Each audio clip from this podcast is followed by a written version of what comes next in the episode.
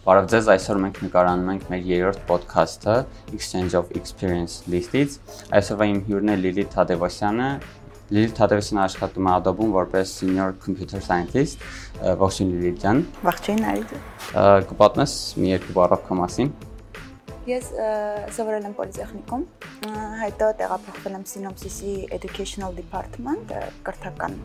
դիպարտամենտ, այնտեղ սովորել եմ ծրագրման բաժին 4 տարի,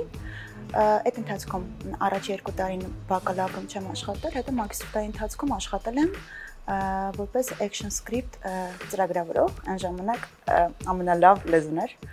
խաղեր էին գրում, ինչը շատ հավես էր ու հետո երբ որ վերջացրեցի սինոպսիսում սովորելը ու action script-ն էլ արդեն 2012 թվականից համարվում էր մեռած լեզու, սկսում էր մեռնել Flash-ը support-ը Stopper-անում, դրանից հետո արդեն փոխեցի JavaScript-ի ամենամոտ լեզուն action script-ին, plus front-end, իսկ ես front-end-ը իմնա ու սկսեցի JavaScript-ով։ JavaScript-ով չգիտեմ, տարբեր կամպանիաներում աշխատելով, ես հիմնականում կամպանիաներից դուրս չեմ եկել, կամպանիաները փակվել են։ SFL-ն ա եղել, որ չփակված ստացել։ Պարկասը հաջողություն SFL-ին։ Հիմա արդեն աշխատում եմ Workfront-ում, որը այսօրվանից արդեն Adobe-ը է, որպես Adobe աշխատող շատ հետաքրքիր Իդեպ ես Lilith-ը ծանոթացել եմ հենց SFL-ից, չնայած դրանից առաջ իմացել եմ ու Lilith-ը միշտ ինձ ողջևորել է նրանով, որ միշտ կոնֆերանսներում ելույթ ա ունեցել, հենց միշտ հետաքրքրությամբ գնում նայում էի, որովհետև թեմաներն շատ շատ հետաքրքիր էին ինձ ու այսօր դրա մասին էլ ենք խոսելու։ Այ մոտավոր քանի տարվա փորձ ունես։ 2010 թվականից եթե հաշվենք, 11 տարի աշխատանքային փորձ։ Հա, այդ արդեն action script-ն էլ հաշված։ Action script-ն էլ հաշված։ Հենց JavaScript-ի դուրս է գալի 9 տարի, հա, 8-ից 9 տարի է։ Իսկ որ գնացել Synopsys ինչ որ բանով քեզ օգնել է դա։ Հա, որովհետև մեր ծրագրավորման դասատուն ջահել տղա էր,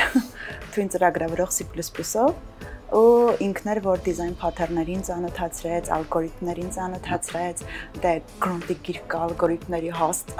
չգիտեմ, տեղից ինչ որ առաջ վրանքներ տար էր մեր Արորյան, ու այդ լիքը օգնեց։ Ճիշտ է Արորյայում աշխատանքային daily work-ում ալգորիթմերով աշխատանք շատ քիչ է, չկա, չեմ հիշում դեպք, երբ որ պետք է եղել անել ու ստիպված եմ եղել մտածել, բայց ընդհանուր աշխատելուն, մտածելուն, արագ կողմնորոշվելուն օգնում ամեն դեպքում իսկ այդ ժամանակ երբ որ սկսում էր քո աղջիկները խանգարել էր ծրագրավորմանը տենց սկսելուն։ Ես այն աղջիկներից եմ, որ կյանքում չի հասկացել, որ ինքը աղջիկ է։ Չգիտեմ, ոչ մեկ չի ասել, ոչ մեկ դրա վրա ուշադրություն չի դարձրել ու դրա արդյունքում ես երբեք ինձ առանձնացված չեմ զգում որպես աղջիկ, ու այդ դրա վրա շեշտվելն էլ իրականում սխալ եմ համարում։ Ոնց որ աղջիկ տղա կապ չունի, լավ գործանող ենք։ Ոնց որ կարևոր չի սարալի հասկացա։ Այդ դու ունես երկար տարիների փորձ, ամենաառաջի հարցը, որ կուզենամ տամ, խոսես soft skill-երի ու hard skill-երի մասին, երբ որը կարևորել, այսինքն soft skill-եր versus տեխնիկական գիտելիքներ, հա։ Ինչ որ ինչ կասես դրա մասին։ Ես ես իրականում այն մարդկանց եմ, ով soft skill-երից շատ վատ ա եղել ու առաջի 5 տարին ես չեմ հասկացել, որ դա պետքա թե պետք չի, որտեվ աշխատել եմ փոքր օֆիսում մի քանի հոգով, բոլորս իրար հետ ճանաչել ենք ու արդյունքում soft skill-ի կարիք չի եղել, հա։ Չգիտեմ, ամեն օր իրար հետ նստում ենք, հաց ենք ուտում, կոդ ենք գրում, ոչ մի խնդիր չկա, բայց երբ որ ընդունվեցի SFL, արդեն SFL-ը համատաբար մեծ կամպանիա էր, այն ժամանակ կարծեմ 100 երբ որ ընդունվեցի 67 էր, հիմա կարող է 150 հոգի լինել, այ այդտեղ երբ որ կար թիմ, կային տարբեր թիմերում հետ պետք էր աշխատել, ոչ միայն քո թիմի սկոպում, այլև մյուս թիմերի սկոպում իրանց հետ շփվել, պլյուս այդ ժամանակ կլիենտները Հոլանդիայից էին, իրանց հետ էլ պետք է աշխատել։ Այդ ժամանակ արդեն իմ soft skill-եր չունենալը սկսեց ինձ շատ խանգարել ու ճուզելով մի կերպ համոզվելով ուրիշ մարդկանց մենտորշիփի օգնության շնորհիվ սկսեցի զարգացնել soft skill-երը, բայց ես այն մարդկանցից եմ էլի, որ համարում եմ, որ կարևորը տեխնիկականն է։ Բայց եթե ուրիշ մասնաշների հետ աշխատես, եթե ուզում ես քո ուզածը ինչ որ չափով լինի կամ ճիշտ լուծումների գաս, soft skill-եր ունենալը կարևոր է։ Իսկ թիմի հետ աշխատանքում, թիմի մեջ դելա չէ կարևոր։ Անպայման։ Թիմի մեջ կախված այլի մարդկանց տեսակից, եթե քո բոլորը քո տեսակի են, կարևոր չի։ Եթե բոլորը իրար երեսին կարանում ենք մեր թիմում կոնկրետ, երբ որ գրում էինք անում, գրումինգը այդ agile-ի Scrum-ի բանից ցերեմոնիաներից մեկն է, գրումինգ էինք անում, այդ գրումինգը կռիվ էր, բոլորս իրա վրա գոռում էինք, բայց արդյունքում լինում էր մի հատ ահավոր թույն լուծում, ու բոլորս դրանից բավարարվում էինք բայց երբ որ սկսեցին թիմ մարդիկ գալ ովքեր այդ կրվի կողմնակիցը չեն, այդ ձևի որոշման գալու կողմնակիցը չեն, այդ ժամանակ արդեն զգացվեց էլի որ soft skill-երը կարևոր են։ Հա, իսկ որն է քո պատկերացած seniority level-ը։ Երբ ինձ համարվում ես senior ու ինչ գիտելիքներ է պետք որ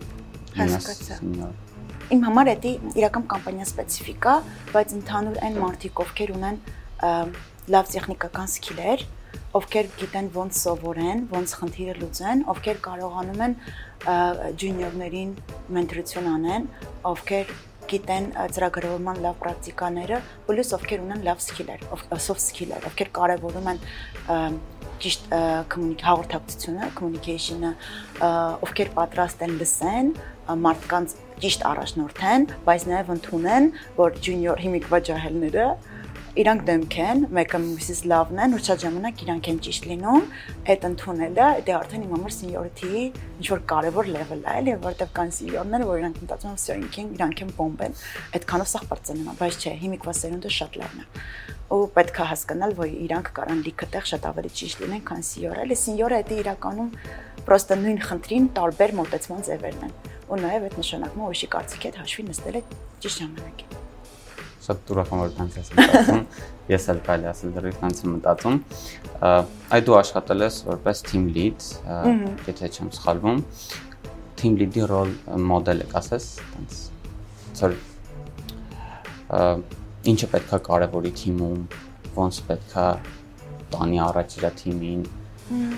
Ես որ սկիլերն են կարևոր։ Ես չեմ համարում, որ ես եղել եմ շատ լավ team lead, բայց ես ունեցել եմ շատ լավ team lead, ումից սովորել եմ ու ինքը իմ համար sense իդեալական կերպար էր tech lead-ի ու team lead-ի ու իր իր իր քայլերով եմ իր հետևից եմ գնացել, իր ձեռում զարգացել ու ինքը այն մարդներ ով կգար ճիշտ պահին, ճիշտ տեղում համ Scrum Master-ին, թիմում եթե կա Scrum Master, Product Owner ու թիմը Scrum Master-ին, Owner-ին ու թիմին բոլորին դնում էր ինչ-որ հավասար հարթակի վրա, լյուբոյ բան, որի հետ համաձայն չէր անպայման ասում էր, որը համաձայն չի, որը soft skill-երի, soft skill-երից ինքը շատ ուժեղ չէր, բայց ինքը շատ լավ team leader, հա, այսինքն երբ որ իրար հետ էր աշխատել, արդեն վсё, իր ամեն ասածը շատ տրամբանական էր լինում։ Ոչինչ որ դա ասում էր մի քիչ կոպիտ ձևով, բայց ճիշտ էր ասում, հա, դա կարևոր էր, էլի։ Ու երբ որ սխալներ էր ասում, չեն ընդունում բացահայտ, բայց դու գիտեիր, որ ինքը ընդունել է որ սխալ ասում։ Այ դա երբ որ հարգում են թիմի մարդիկ հարգում են, երբ որ product owner-ը, scrum master-ը հարգում են հաշվի են նստում, դա լավ team lead լինելու սկզբունքն է։ Ես պրոստը փորձել եմ իրա նման, չգիտեմ, մարդկանց ուղղորդել, երբ որ ինչ որտեղ սխալ որոշումներ ա կայացվել, սխալ որոշումներին աշխատել եմ մասնակցել ու փոխել, չգիտեմ, փորձել եմ process-ները ինչ որ ձևով լավացնել Scrum Master-ի հետ աշխատելով, feature-ները լավացնել product owner-ի հետ աշխատելով, ոնց որ ամենտեղ փորձել եմ խառնվեմ, ու իմ խառնվելը ինչ որ օգուտ տամ, չխանգարեմ։ Իսկ ընդհանրապես ոնց կոնստրուկտիվ ֆիդբեք տաս քո թիմակցին, որ ինքը չնեղանա։ Հաճախ լինում է, որ ուզում ես ասես, «Էս ինչ է դու կարաս լավացնես», բայց որ ասում ես ինքը նեղվում է դրանից կամ Ինձ շատ դժվար է կոնստրուկտիվ ֆիդբեք տալը։ Կայց սենդվիչի մեխանիզմը կոնկրետ մեր workfront-ում, ոնց որ այդ մեխանիզմն է քաջալերվում, որ սկզբում ինչ որ ասում ես լավ բաները, հետո տալիս ես ինչ որ կոնստրուկտիվ ֆիդբեք, ինչ ուզում ես տաս, հետո նորից ես լավ բաները highlight անում,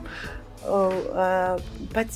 մարդ սպეციფიკա է կախված է թե դու ում հետ ես շփվում։ Օրինակ ինձ պետք չի կոնստրուկտիվ ֆիդբեք տալ։ Իմ տիպի մարդուն պետքա գալ ու երեսին ասել ինչ խնդիր կա, ինչը պետքա լավացնել։ Կան մարդիկ ում հետ պետքա սարել ձորերով sense լավ ֆերվից մոտենալ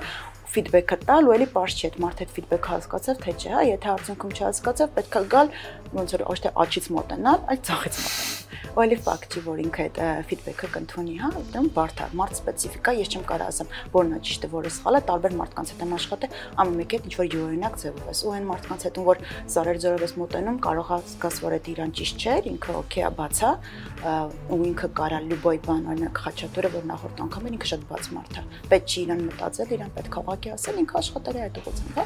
Ես բաց մարդ եմ, կան մարդիկ, ում պետքա պրոստը ասել, եթե սենց անեիր, ավելի լավ կլիներ, բայց թողես իրա վրա, հա։ Ու պուճուրիկ բաներով, ոչ թե գազ ու անգամ ծախ խնդիրները սենց առաջ դնես, այլ վերցնես մի հատ կարևոր բան, այդ կարևորը վրա շեշտվես, հետո արդեն քիչ-քիչ, երբ որ ինքն էլ քեզ կհարմարվի կսովորի, ինքն է կսկսի քո տված ֆիդբեքից բաց չզգալ, ճիշտ ընդունել, ու երբ որ զգա, որ իրա մի քիչ փոփոխությունը թիմի սկոպում կամ բնի սկոպում, չգիտեմ, պորտֆոլիոյի սկոպում ինչ որ լավ բանի է բերում էլի։ Արդյունքում կարևորը է որ ֆիդբեք ես տալի, զգում ես փոփոխությունը, անպայման էդի շեշտել, որ դու տեսնում ես, դու տես քո էս հարցին սենց վերաբերվու շնորհիվ այսինչ բարելավումներ եղան, որը չէին լինի, եթե չանեին, հա ինչ որ ես մտածում։ Իրականում ես էլ եմ տենց մտածում ու որոշ ժամանակ տենց թվում է թե մյուս դիմացինս էլ է տենց մտածում ու հանգիստ տենց բաց ֆիդբեքը տալիս եմ կամ code review եմ անում, ասում եմ ես էս բաներ վատա, մեկ էլ զգում որ ինքը նեղացավ ինձանից ու այդ խնդիրը իրական կա ու հենց այդտեղ է ինձ թվում է գալիս չէ soft skill-երի code review-ն որ հասկանաս ոնց code review-ն հա code review-ն կրվի բունը լիքը խնդիրներ են լինում հենց կոդրվի անելու պատճառով, դրա համար էլի կոդրվի ժամանակ էլ այդ soft skill-երը քո ասած կարևոր են։ Կամ մարդում կարաս մի անգամից գրես, այս ինչ մասը սխալ է դզի, կամ մարդում պետքա գրես, եթե սենց գրեիր, այս ինչ բանը սենց գրեիր, այս ինչ խնդիրը չէր ունենա, այստեղ էս խնդիրը գուտես, էլի լավ ես լուծե, բայց կա ավելի լավ լուծում, արդյունքում էլի խնդիրը լուծում ես, էլի, պրոստը տարբեր մարդու, մարդ մարդուց կախված տարբեր նույն խնդիրը ուրիշ ձև, տարբեր ձև ես լուծում, բայց արդյունքը նույնն է լինում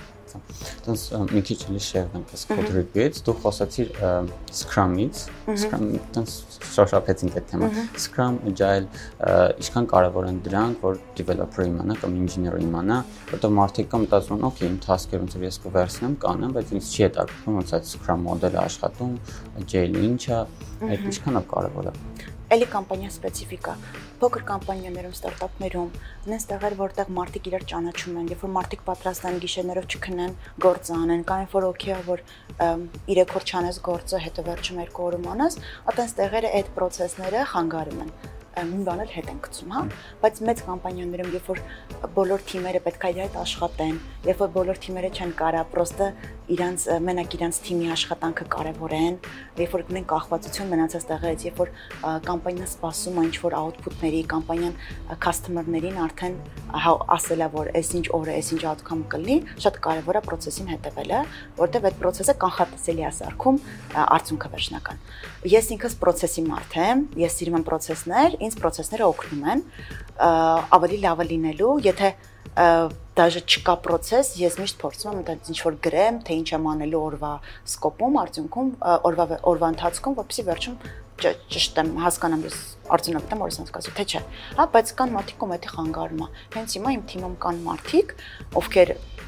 այլի տենց principal կամ senior computer scientist են, բայց իրանք process-ներին կտրուկ դեմ են, իրանք չեն հասկանում process-ները ու process-ները կարան խանգարեն իրանք մարդ սպეციფიკա, բայց ինձ թվում է կամպանիայի level-ով, եթե կամպանիան process-ներից շահում է, պետք է հարմարվել։ Պարտադիր չի իմանալ, լիքը մարդ ես վգնացել եմ SF-ել, ես ոչ մի process-ի ծանոթ չէի ընդհանրապես, ես միշտ թիմը մենակ եմ եղել կամ երկու հոգով։ SF-ում սովորել եմ, ինձ սովորացրել են process-ները ոնց որ խնդիր չկա չիմանալը, բայց երբ որ գնում ես ինչ-որ տեղ, կարևոր է հաշվի նստել այդ տեղում ինչա կատարվում, եթե նույնիսկ համաձայն չես, ոչ թե կտրուկ ասել համաձայն չեմ սրա հետ, այլ փորձել լավացնել այդ process-ները քո constructive feedback տալով, թե ինչի այդ process-ը վատ քո կարծիքով։ Հասկացա շատ ինտերվյուներ ես անցկացրել ու շատ ինտերվյուներ ես գնացել։ Չեմ գնացել շատ ինտերվյուներ։ Չէ։ Բայց շատ ինտերվյուներ եմ անցկացրել։ Հա, օքեյ։ Բայց երևի 4 տակ գնացած կնես։ Դե 11 տարվա մեջ 4 հատը քիչ թիվ է։ Լավ, ես որ ինձ հիշում եմ 2 տարվա մեջ մի 6-7 տեղ։ Չէ, չէ, չէ։ Իրականում ես սիրում եմ տենց ինտերվյուների գնալ, որովհետև ինտերվյուներին կարող ինչ-որ ինձ բան հարցնեն ու ես չիմանամ այդ գնամ մի ամիս սովորեմ։ Կամ երբ որ զգում եմ որ բան չկա այլ սովորելու, ասում եմ սա պետք է գնամ ինտերվյուի, որ հետ ինձ խայտարական են կամ էլի նորից շարունակեմ սովորեմ։ Օրինակ ես այդ մոդելով եմ շարժվում առաջ, որ ինձ նոր հետաքրքիր բաներ սովորեմ։ Մի խոսքով ինչ խորհուրդներ կտաս ինտերվյու անողներին ու ինտերվյու գնացողներին, տես երկու հարց իրականում։ Նախ ինձ թվում է այդ ինտերվյուն խայտարականել է, դա վատ ինտերվյուի արդյունք է, եթե քեզ վերջում խայտարակ արված ես զգում։ Ոնց որ ինտերվյուի նպատակը իմանալ թե դիմացին ինչ գիտի։ Ոչ թե ցույց տալ ինչ չգիտի, այլ ցույց տալ թե ինչ գիտի։ Այդ այդ ամենակարևորն է եղել է որ գնացել եմ ինտերվյու ամենասկզբում ու այն ժամանակ հաստատ լավը չէի, որ ինձ ցույց են տվել ես ինչ չգիտեմ, ու շատ կարճ է ինտերվյուն, չգիտեմ 30 րոպե, շատ ամոթալի էր։ Հիշում եմ լացում էի ինտերվյուից հետո եղել է որ գնացել եմ ինտերվյու, էլի այդ սկզբում, այդ ինչ ասում եմ, այդ JavaScript-ի switch լինելու, ActionScript-ից JavaScript switch լինելու պահներ գնացել եմ ինտերվյուի ու այդ ինտերվյուում, չգիտեմ, աշխատավարձի հետ կապված խոսակցների արդյունքում ինտերվյու անողը ինձ բառացի լացացրեց ոնց որ ցույց տալով թե ես չկամ այդքան, ես ինչ թիվ եմ ուզում կամ շուկամ, հավատացեք այդ թիվը չէր, բայց ահա որ էր այդ ինտերվյուն, ես երկու օր լացած ման էի գալի ու ոնց որ այդ այնքան են ինձ նեղացրել, որ ես համարյա ընդունում էի այդ առաջարկը։ Չգիտեմ, հետո ինձ հավաքեցի, ասացի, օքեյ, գնացեք ձեր ձեր կանոնները, թող ձեր ասածը լինի, ես ոնց որ ուրիշ տեղ կգտնեմ իմ ասած գումարով ու ես գտա ուրիշ տեղ իմ ասած գումարով։ Այդ երկու վատ փորձն ա եղել։ չէ, առաջինը լավն է, որովհետև ցույց տվեց թե ինչ չգիտեմ, երկրորդը վատն էր, որովհետև իմ կարծիքով կոմպետենտ չէին ինտերվյուանողները բայց երևի այն պահին 2012 թվի համեմատ երևի օքեյ էր։ Բայց հիմա, երբ որ ես եմ ինտերվյուանում, ես փորձում եմ ցանել, որ մարդիկ չզգանան ինչ որ ես եմ զգացել, որ մարդիկ հասկանան, թե ինչի վրա պետքա շեշ դնել, սովորած գնան ինտերվյուից հետո ինչ որ մի բան սովորած գնան ու հասկանան, թե ինչի վրա պետքա շեշը դնել, եթե ուզում են լավ ինտերվյու անցնեն, լավ գիտելիքներ ունենան։ Հիմիկվա մարդիկ, որ գալիս են երեխեքը հիմնականում ջահելները չունեն տեսական գիտելիք, ունեն գործնական փորձ չափպես չեն հասկանում տակից ինչը ոնց է աշխատում կամ գալիս են մարդիկ ովքեր գիտեն շատ լավ տեսական բայց գործնականը չեն կարող այդ տեսականը կիրառել դա երբ որ junior կամ mid level-ի մասին ենք խոսում երբ որ գալիս են senior-ներ այդտեղ արդեն soft skill-եր են սկսում խաղալ, մեծ դարձնում էլի տեխնիկապես լավ, օքեյ, լավ, այս soft skill-երով ոնց կլինես էլի։ Խորհուրդ եմ տալի ինտերվյու անողներին շեշտվել, թե մարդը ինչ գիտի, փորձել սովորացնել, չնեղացնել, կարևոր է։ Ովքեր որ գալիս են ինտերվյուի, օքեյ ֆեյլ լինելը, անպայման բայց պետքա վերջում հարցնել ֆիդբեք, ինչը վատեղ է, ինչ ինչը վատեղ է, ինչ որ ռեսուրսներ, եթե չգիտեն որտեղից սովորել, ինչի վրա ուշադրություն դարձնել։ Ես միշտ օրինակ մեր մեր մոտ մեր կամպանիայի մեզ ըպելում էլ հիշում եմ բոլորը պատրաստ են կիսվելու ինչ որ ռեսուրսներով, ինչ որ գայդերով, ինչի ինչի հիման վրա են առաջարկում, ինչի վրա են ուշադրություն դարձնում, կարևորը տենց բաները պրոստը ուզել։ Չեմ կարող ասեմ, թե փոքր կամպանիաներում ինչ ձևի ինտերվյուներ լինում, բայց եթե ինտերվյու արդյունքում դու ձեզ շատ վատ եք զգում, ուրեմն այդ լավ ինտերվյու չեն արել։ Ուրեմն սխալ է եղել ինչ որ բան հաճախ տենց տեղեր կա, որ գնում ես ինտերվյու, ուզում են ցույց տան, որ դու բան չգիտես ու այդ մոդելով են աշխատում, որ դա քիչ գումար քեզ հա հասնում։ Ահա, շատ շատ բան։ Ու հաճախ եմ նկատել, որ ասացի պետքա ֆիդբեք հարցնես, սովորաբար ոնց որ junior mid developer-ները գնում են ինտերվյուի, fail են լինում, ասում են, «Okay, լավ, չեմ վերանայում ինչ գիտեմ», գնում են news-ին, ոնց որ մի ֆիրման չեղավ, գնում են news-ին։ Այդ քո կարծիքով սխալ է, չէ՞, պետք է վերանայես։ Ոնց որ Մեկ, ոնց որ հիմա շուկայում կա երկու տեսակի մարդիկ, կա մարդիկ, ովքեր աշխատում փողի համար, կա մարդիկ, ովքեր աշխատում որովհետև սիրում են, հա։ Այն մարդիկ, ովքեր սիրում են, ինչ որ անում են, գումարը երկրորդական է, իրանք միշտ կուզան իրանց լավացնեն, ավելի լավ կադր սարքեն, իտոգում էլի փողի համար կլինի, որովհետև ավելի լավ գնով կծախվեն, հա, ճակերտավոր, բայց մեկը իրանք ինչ արժանի կլինի այդ գումարին, որը իր վճարվում է, հա, ու մենք գումար չեն, դիքը բենեֆիտներ, ծառայության, որ ինք մատուցում են, արժանի գումար կստանան դրա փոխարեն։ Կամ մարդիկ ուղղակի ռանդոմ փորձում են ու հիմա այդ այնքան շատ են այդ ստարտափերը, որ ահռելի գումարներ են արժարկում, որ մարդիկ էլ այդ բանին են դրատակ են ոնց որ գնացել, հա իրանք անդադ փորձում են, միտեղ կկպնի։ Ու կկպնի ոնց որ այնքան քիչ ռեսուրսը, որ ոնց է լինի, միտեղ կլինի, որ կընդունեն գործի, էլի, բայց եթե ուզում են այնտեղ ընդունում, որտեղ իրանք կաճեն, որտեղ կամպանիայի կուլտուրան, կամպանիայի վերաբերմունքը աշխատողներին կլինի լավը, կլինի ճիշտ, ոչ թե լավը, այլ կլինի ճիշտ, այդպես տեղերի համար ոնց որ պարտավոր ես քո գործը սիրել, աշխատել քո վրա չգիտեմ, մեր մոտ պետքա դա work front Adobe-ում work front-ում պետքա դա։ Գիտեմ, որ SF-ում դա պետքա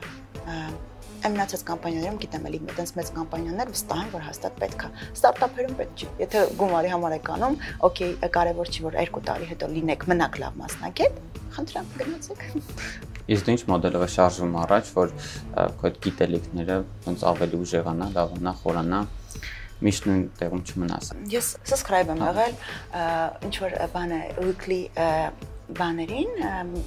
մեյլերին, որոնք գալիս են, չգիտեմ JavaScript weekly, Node.js weekly, React weekly, չգիտեմ front-end focus weekly, որոնք գալիս են շաբաթական, շաբաթը մի անգամ email գրված է իրական թե ինչա կատարվել այդ մի շաբաթում, ինչ որ ստատյաներ, չգիտեմ, ինչ որ սպեկերի փոփոխություն, ինչ որ տես բաները դրանք եմ նայում, իրական սուտա հիմա չեմ նայում, գուցե մի 6 ամիս չեմ նայ, պրոստը որտեվ այն գործը, որը ես անում, ինձ հիմա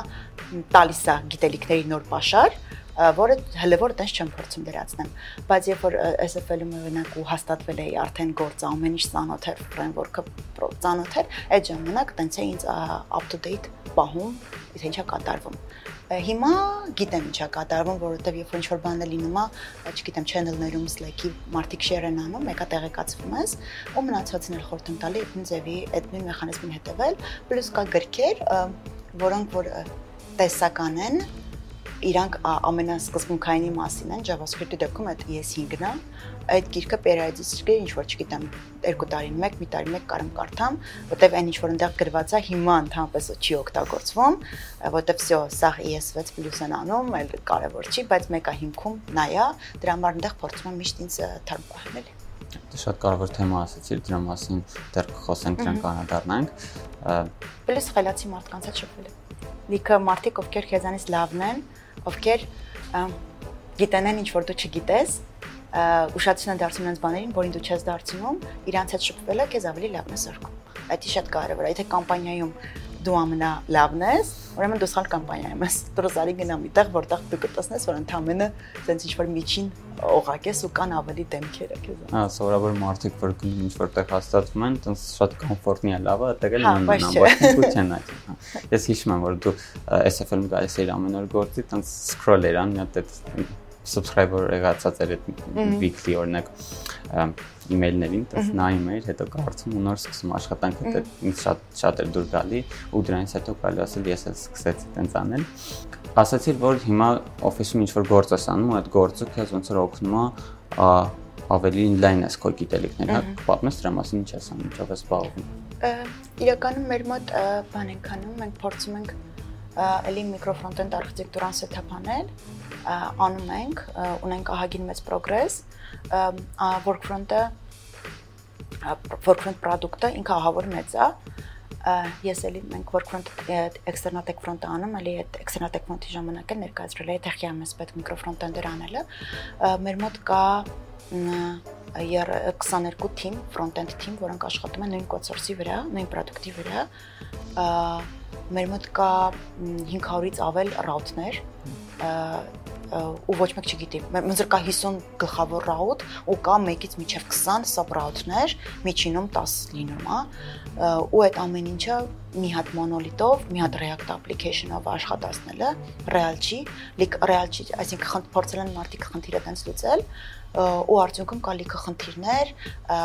այդ մենք իրար խանգարում ենք, երբ որ գործ ենք անում, մեր կոդը production գնում է շատ դանդաղ, ուղղակի որովհետև մի հատ մեծ suite end-to-end suite ենք run-անում, չգիտեմ, package version ենք փոխում, end-to-end test-երը կարան real չի որ flaky չլինեն, flaky են, ոնց որ ահավոր երկար process է կոդը գրված կոդը տանել production, իսկ էդի ոնց որ workfront-ի նման կամպանիաներում պլյուս չի, հա, որտեվ customer-ը սպասում է ու ինչքան արագ release տաս, այնքան կամպանիայի օգուտն է պլյուս թիմեր իրար խանգարել, կոնֆլիկտներ, ինչ որ sense բաներ, երկուսը նույն source-ի վրա փոխել, շուշուտ մեկը մյուսին բլոկ անել, ոնց որ այս ամեն ինչը ստանդարտ իրավիճակներ են, որը փորձում ենք վերանայենք։ Ուզում ենք որ մարդիկ կարողանան իրանք անկախ ոչ թե ամբողջ մոնոլիթը իրանց մոտ ռանանեն, front-end մոնոլիթը, այլ ռանանեն իրանց բուջուրի կտորը, ու վсё ոնց որ ռեսուրսները խնայեն, այդ կտորի վրա են աշխատում խնայեն, այդ կտորը կարողանան տեստանեն, բայց այդ կտորը կարան իրանք տեստանեն, օգտագործելով գլխավոր application-ը, մենակ իրանց մասը override անելով, իրանց bundle-ը փոխելով, ոնց որ dev test-ի վրայի bundle-ը փոխանելով իրանց local bundle-ը օրինակի համար։ Կարողանան անկախ deploy անեն, անկախ release-ներ անեն, իրանք կարողանան որոշում կայացնել ուզում են view անեն, թող view անեն, բոլոր պարտավոր չեն React անել, բոլոր պարտավոր չեն React router օգտագործել, բոլորը կարողություն չգիտեմ TypeScript օգտագործեն, ոնց որ այսպես խնդիրները լուծվում է, թիմը կարող է կարա ինքը որոշում կայսի թե ինչ ստեքով ուզում աշխատի, ոնց անի։ Կոդի upgrade-ը ահա որ հեշտ բան է, երբ որ microfront-ով ես աշխատում, քո կտորի framework-ը փոխում ես, չգիտեմ, Angular 1.7-ից update-ից Angular 9-ի բարձրանում ես, հա, monolith-ի update-ը, դա կարա տևի ամիսներ։ Ու այդ ամիսները freeze արած վիճակում, ոչ բոլորը պետք է stop անեն, product owner-ները բանը, սպասեք, ես upgrade եմ անում այդ դեպքում այսպես իրավիճակներում միկրոֆոնտները լիքը կարան օգնեն ու մենք ուզում ենք այդ բենեֆիտներից օգտվենք, շահենք ու հիմա այն թիմը որտեղ է աշխատում, ինձ արքիտեկտուրայի վրա է աշխատում, արդեն ունենք production-ում 3 հատ microfrontend application-ներ, ունենք 6-ից ավել microfrontend utility-ներ, աշխատում ենք որպեսզի մեր framework-ը, որը կառուցում ենք, վերջացնենք, որ արդեն թիմերը սկսեն օգտվել այդ framework-ից։ Փաստացի մեր customer-ը այդ թիմերն են հասկացա։ Դեկոն մեր մոտ այդ խնդիրը կա։ Մենք ունենք UI փոքր կտորներ, բայց սա իրար հետ է ոնց որ բիտ լինում ու ինքը դեմը 15 րոպե ամեն դիպլոյը ու այդ ահավոր խնդիրը։ Մեր մոտ 40 ատեղում այդի լավացվածին է։ Այդի ահագին իջացված։ Այդ ընթացքում գալի է թել հաց ու դել։ Կամ դու կոֆե խմեն, գալ դեն ու դիպլոյը ֆեյլ ա եղել, լավ մի հատ է գնում կոֆե խմենք։ Դե իրական երբ որ ես նոր եմ ընդունվել work front, այդ մասին համար ստրես էր, որովհետև մի հատ կնոպկայի գույն փոխելը լիքը ժամանակ է ստանում, ասում կարող կարող մի երկու օր MR-ը բաց լիներ, բայց հիմա արդեն ամեն ինչ ահավոր լավ է ու բոլորը ստեղ ազատ են բացեն ավելի լավացնելու դրա համար մեծ կամպանիաներում այս կարգի բաները կարող օգնի այն մարդիկ ովքեր միշտ բյուջետ պրոյեկտների վրա են աշխատում մի քանի հոգով չեն հասկանա դրա բենեֆիթը չեն պատկերացնի բայց մեծ կամպանիաներում շատ մեծ բենեֆիտ կարող լինի շատ շատ խնդալու կլինի երբ որ գնաս այդպես task ուզենաս անես մեկը գրված է color պետք է change անես ու estimate-ը երկու օր երկու օր Իրական, քանի որ մենք նախորդ ոնց որ ոդքասթին եմ խոսեցինք միկրոֆրոնտենդների մասին քեզ էլ հարցնեմ, կասես որտեղից ես իմացել միկրոֆրոնտենդների մասին, ինչ որտեղից ես ուսումնասիրել այդ թեման, ինչ որ գիրք առանձնացնես կամ ինչ որ տեկոզ արտիկլ կամ ինչ որ վիդեո, ինչ որ մեկին են։ Ես երբ որ ես ընդվեցի workfront, այդ ժամանակ միկրոֆրոնտենդերի մեր ֆրոնտենդ արխիտեկտորը արդեն այդ միկրոֆրոնտենդերի լուծման վրա աշխատում էր, առաջարկում էր ու 6 ամսվա մեջ ոնց որ թիմը բացվեց, ինքը արդեն research արել էր ու արդեն թիմը ձևավորվում էր ու ինձ էլ առաջարկեցին այդ թիմի մաս լինել, պլյուս այդ թիմում մենք ունենք երկու հոգի, ովքեր single spy contributor-ներ են, maintainer contributor ու single span-ը microfrontend տենց meta framework-ը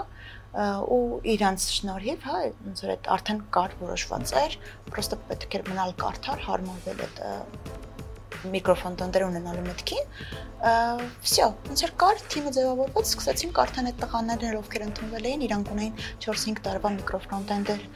production-ում ունենալու փորձ, plus single spy-ի ահավոր մեծ փորձ, ոնց որ իրանց գիտելիքի հիման վրա արդեն որոշում կայացվեց գնալ single spy-ով ու իրանցից եմ փաստացի սովորում, հա, իրանց ռեսուրսներից։ YouTube-ում օրինակ եթե single spy-ով եք հետաքրքրվում, single spy-ով մի 11 հատան 15-6 րոպեանոց վիդեոներ կա, որտեղ պատմում է թե single spy-ի հիմնական կոնցեպտները, չգիտեմ system.js-ի հիման վրա ինչ է system.js, ինչ է import map, ինչ որ sense բաներ, դա շատ հետաքրքիր բաներ, plus բանը microfrontends.org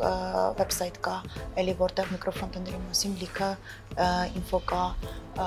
էլի բան կա, եթե բանան անեք, դա search անեք, արդեն միկրոֆրոնտենդի գտե մի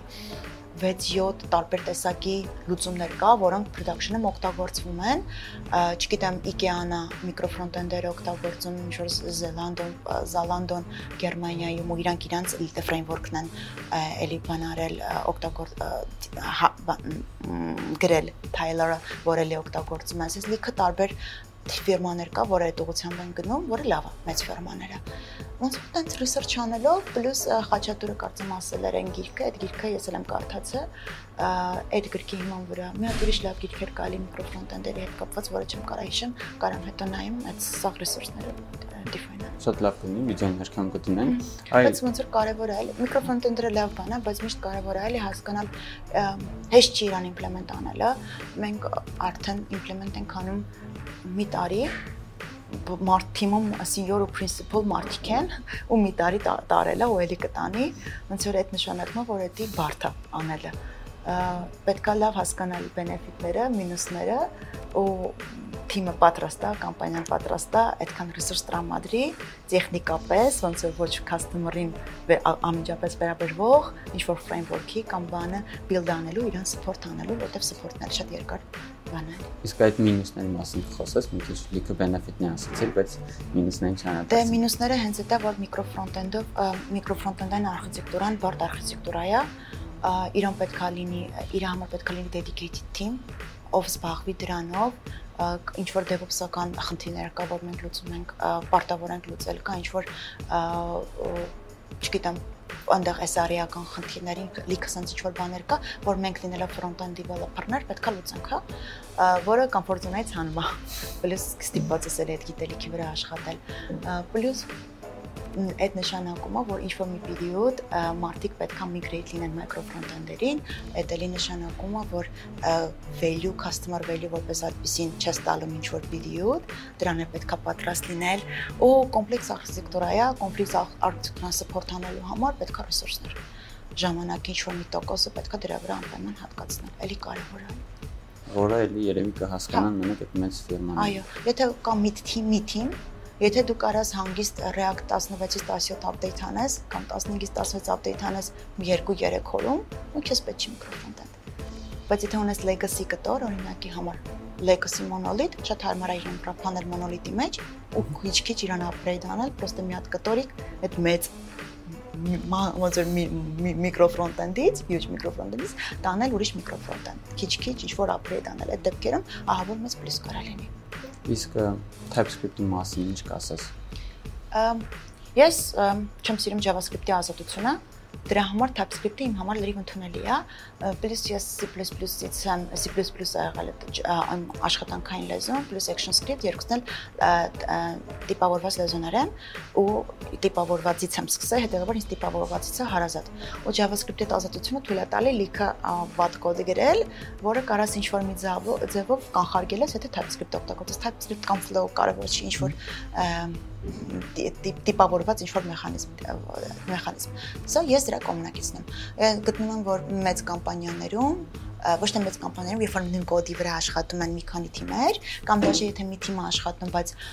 թիմը մարդա դուրս գալի թիմից, մարդա գալի թիմ, այդ դեպքում TypeScript-ը կարող օգնի մարդիկ ավելի շատ ինտեգրվեն, հա։ Լիքը հարցերի պատասխան պրոստը գրած է, կարի չկա գնալ բրաուզերը բացել, չգիտեմ network-ը նայել, հասկանալ ինչ դատա է, գալի ինչ դատա չկա, նայում ես մոդելը, ամեն ինչ բարձա։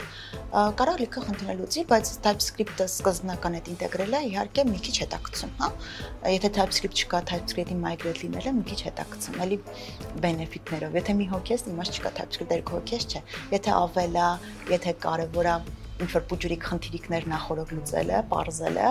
այդ դեպքում ինչի՞ չէ։ Բայց դա նաև պետք է ոնց որ հասկանաս կամպանիայի, հա, այդ ով ում որ կամպանիանն է կամ պրոյեկտ մենեջերների, հա, իրենց հետ պետք է հասկանաս օգտագործել թե չէ, որովհետև ինքը դանդաղացում է ընդունել process-ը։ Ես մտածում որ մենակ դանդաղացումը սկզբի այդ, չգիտեմ, մի ամիսը, հա, կամ երկու շաբաթը։ Ոնց որ TypeScript-ը օգտագործել, թե օգտագործել, այդ իմ համար համարժեք հարց է, ոնց որ unit test-ը գրել, թե չէ։ Հա, դանդաղացնում է, համաձայն եմ։ Ես սկզբում որ unit test էի գրում, չգիտեմ, մի ժամ կոդ ես գրում, 5 ժամ unit test ես գրում, դա абսուրդ է, էլի։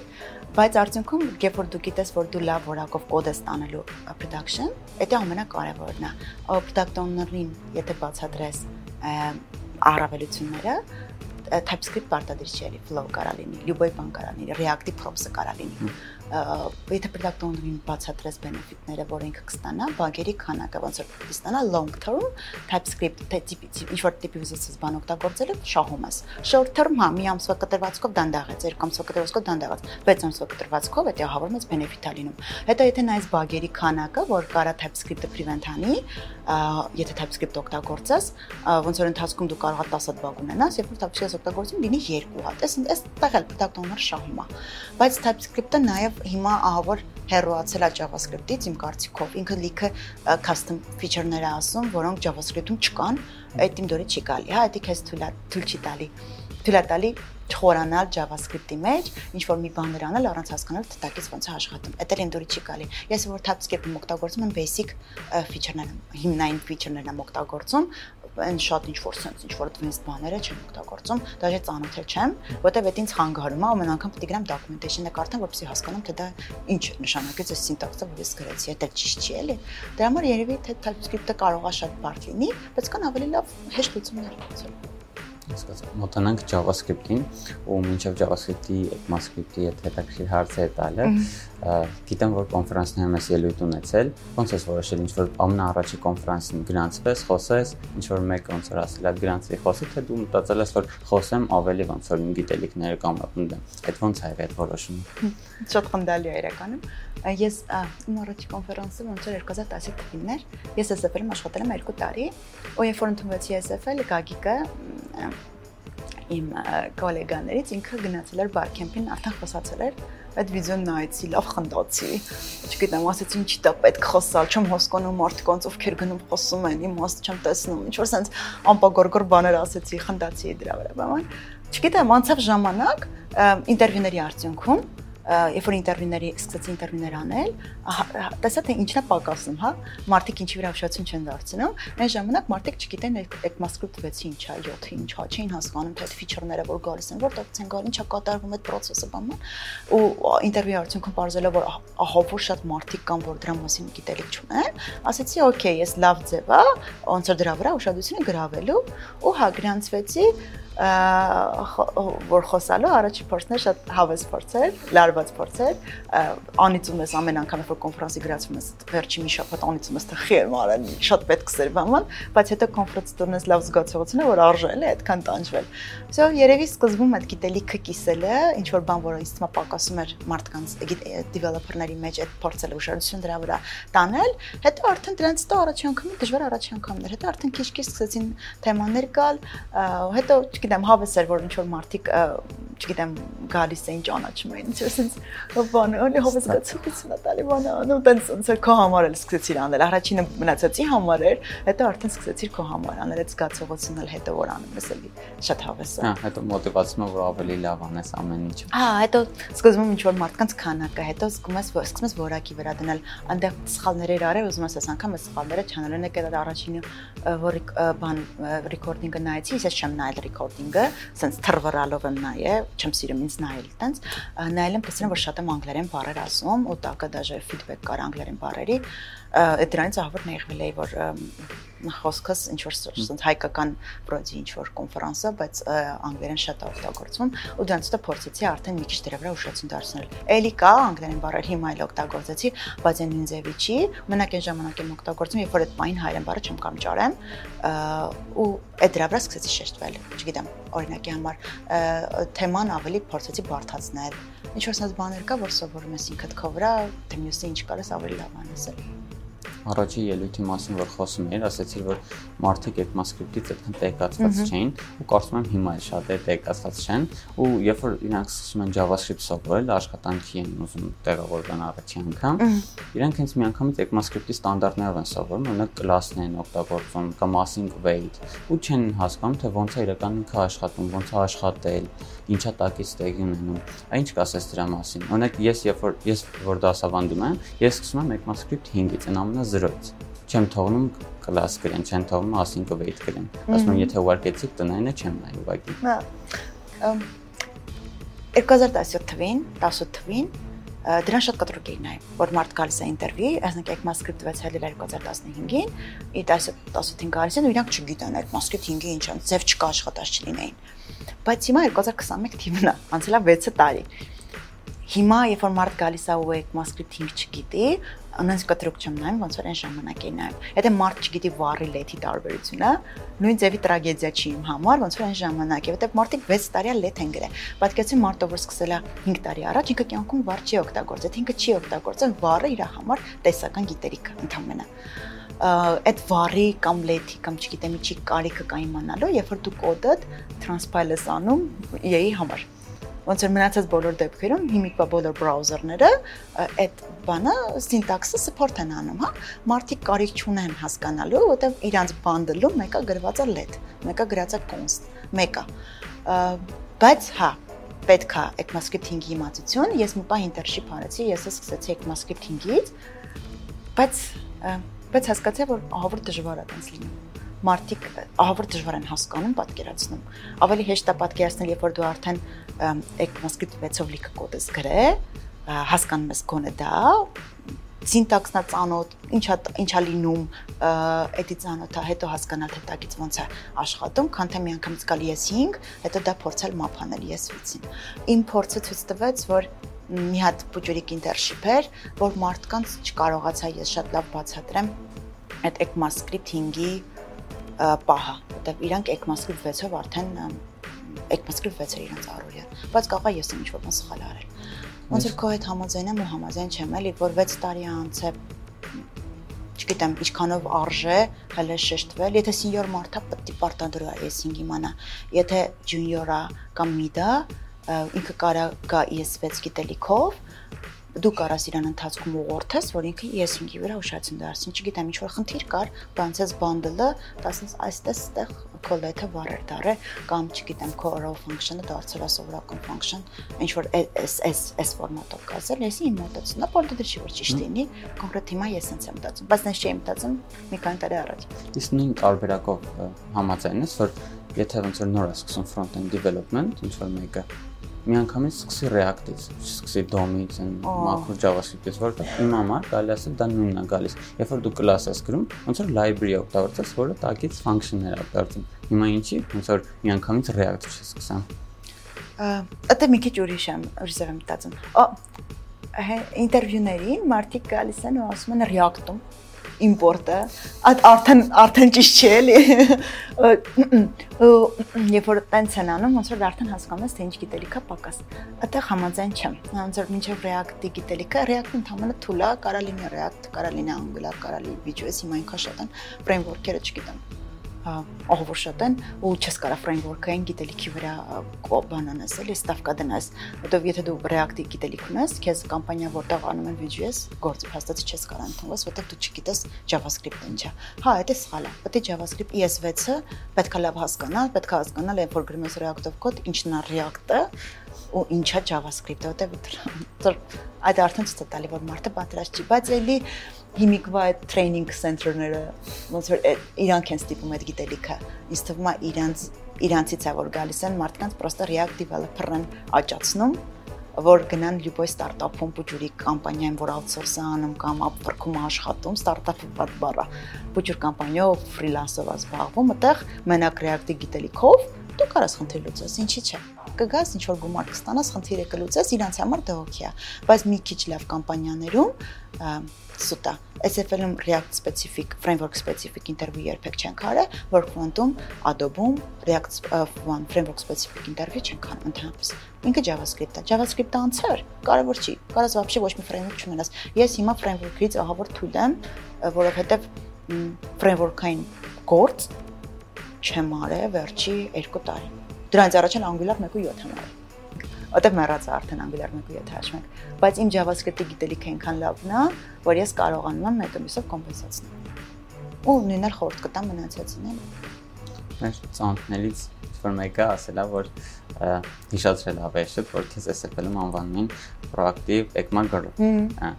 այդ դրա մասին կասես ոնց է ստացվեց որ երևի ECMAScript-ով շատ էր հետաքրքրած դրա համար ու հա։ կա տենց մի բան Adobe-ում հիմա Պրոակտիվ, որովհետև ես շատ ակտիվ եմ, ես ամենտեղ կամ, ամենտեղ խառնվում եմ, իմ տեսակն է տենց, չգիտեմ, կարևոր չի իմ կարծիքը հարցնել, երբ որ ես իմ կարծիքը հայտնեմ, տեսակով եմ տես։ Դրա համար պրոակտիվ Ekman Girl-ը workfront-ում չէ, Չէ, այնտեղ տենց էին ասում, որովհետև ես SFL-ում երկրորդ օլի, երրորդ կամ չորրորդ JavaScript developer-ն էի, ու ոնց որ այդ JavaScript-ի այդ սկիզբն էր, բոլոր ով հայեր են եղել, բոլորին ինտերվյու են կարել, ոնց որ բոլորը միշտ անցել են այդ ինտերվյու փուլերով, ես միշտ եղել եմ, մարդիկ ծանոթ են։ Workfront-ում տենց չի, հիմա, բայց ինչ մնաս կարա։ ծերացել եմ երևի արդեն իրականում հարցերը այսքանն էին։ Եթե ունես ինչ-որ խորհուրդներ, հանգիստ կարող ես տալ դրանք։ Ես մի երկու բան կասեմ, որ խնդրեմ այդ խորհուրդները տաս։ Ես շատ եմ նկատել, որ կոնֆերանսներում աղջիկներ շատ-շատ են ամաչում ելույթ ունենան ու հիմնականում նայում ես տղաներ են ինչ խորհուրդ կտաս, որ աղջիկներն են այտենց ոնց է դու հավաքեն ու մասնակցեն կանման ու եթե ուրիշ ինչ-որ խորհուրդ ունես, էլի ազատ կարող ես տալ։ Իրականում ես ես երևի չեմ նկատել, որ աղջիկները շատ են կոնֆերանս, քիչ են կոնֆերանսում, բայց որ ասեցիր, հիշեցի։ Չգիտեմ, էլի աղջիկ տղա կարևոր չի, էլի ոնց որ կարևորը ամբիցիաներն է պետքա լինել մի քիչ ամբիցիոզ, որտեղ այդ ամբիցիոզ լինելը քեզ օգնում է ավելի շատ բանի հասնելու, հա։ Ես օրինակ ամուսնացած եմ, հա, ունեմ 6 տարեկան տղա, բայց դա չի խանգարում իմ մասնագիտական գործը լավ անել ու ունենալ ամբիցիաներ ինչ որ բանի հասնելու։ Ու մյուսն նույնն մնացածին խորհուրդ կտամ։ Կան մարդիկ, ում դա պետք չի ընդհանրապես, բայց անկան մարդիկ, ում այդ այդ պոտենցիալը կա, պրոստը դուխը չի հերիքում։ Այդ դեպքում, չգիտեմ, կարակ հանգիստ գրեք ինձ, հավեսով իմ փորձով կկիսվեմ ու ինչ որ ձև կփորձեմ, չգիտեմ, փուշանեմ այդ ուղությամբ, որ գնան ելույթ ունենան, բայց դա լավ բան է, ելույթ ունենալը լավ է, քո կոմպլեքսն ես հաղթավորում, կոմֆորտ զոնայից ես դուրս գալի, soft skill-ն դες զարգացնում, որպես մասնակետ ավելի լավն ես դառնում։ Կա էլի լիքը ձևեր լավ մասնակետ դառնալու, դա ձևերից մեկն է։ Ինչ որ քո մեջի վախերը հաղթահարելու, չգիտեմ, Երևի պրոստը գրեք, ակտիվ եղեք, եթե ինչ-որ թեմա չկա, թեման միշտ կարելի է որոշել իրար հետ։ Միշտ կա մի բան, որ պակաս, եթե դաժե ծեծված թեմա է, մարդիկ փոխվում են, սերունդը փոխվում է, ու այդ թեման, որ շատ է խոսացվել, նորից արդիական կարա լինի։ Այդ դեպքում ոնց որ եկեք խոսացեք, գրեք, ես հավասար կօգնեմ հենց դրանով եմ ես տարբերում տարանջատում լավ եւ վատ մասնագետները, ովքեր որ գայս ինչ որ կետ ու ասում են, «Всё, վերջ, ես ես ոնց էլի կբավարար է։ Դե չէ, դա սուտ է։ Հենց դες մտածում ես, ուրեմն էլի կամպանիան փոխարի ժամանակ։ Ամ երևի թե այդքան է։ Աղջիկ տղա կապ չունի, ընդհանուր ամբիցիաները լավ ամբիցիոզ լինելը, որտեղ դա քեզ բրթում է ավելի լավ մասնակետ լինելու։ Դե ինչ այսօրվա համար այսքաններ շնորհակալություն որ դիտեցիք, շնորհակալություն քեզ շատ Լիլի ջան,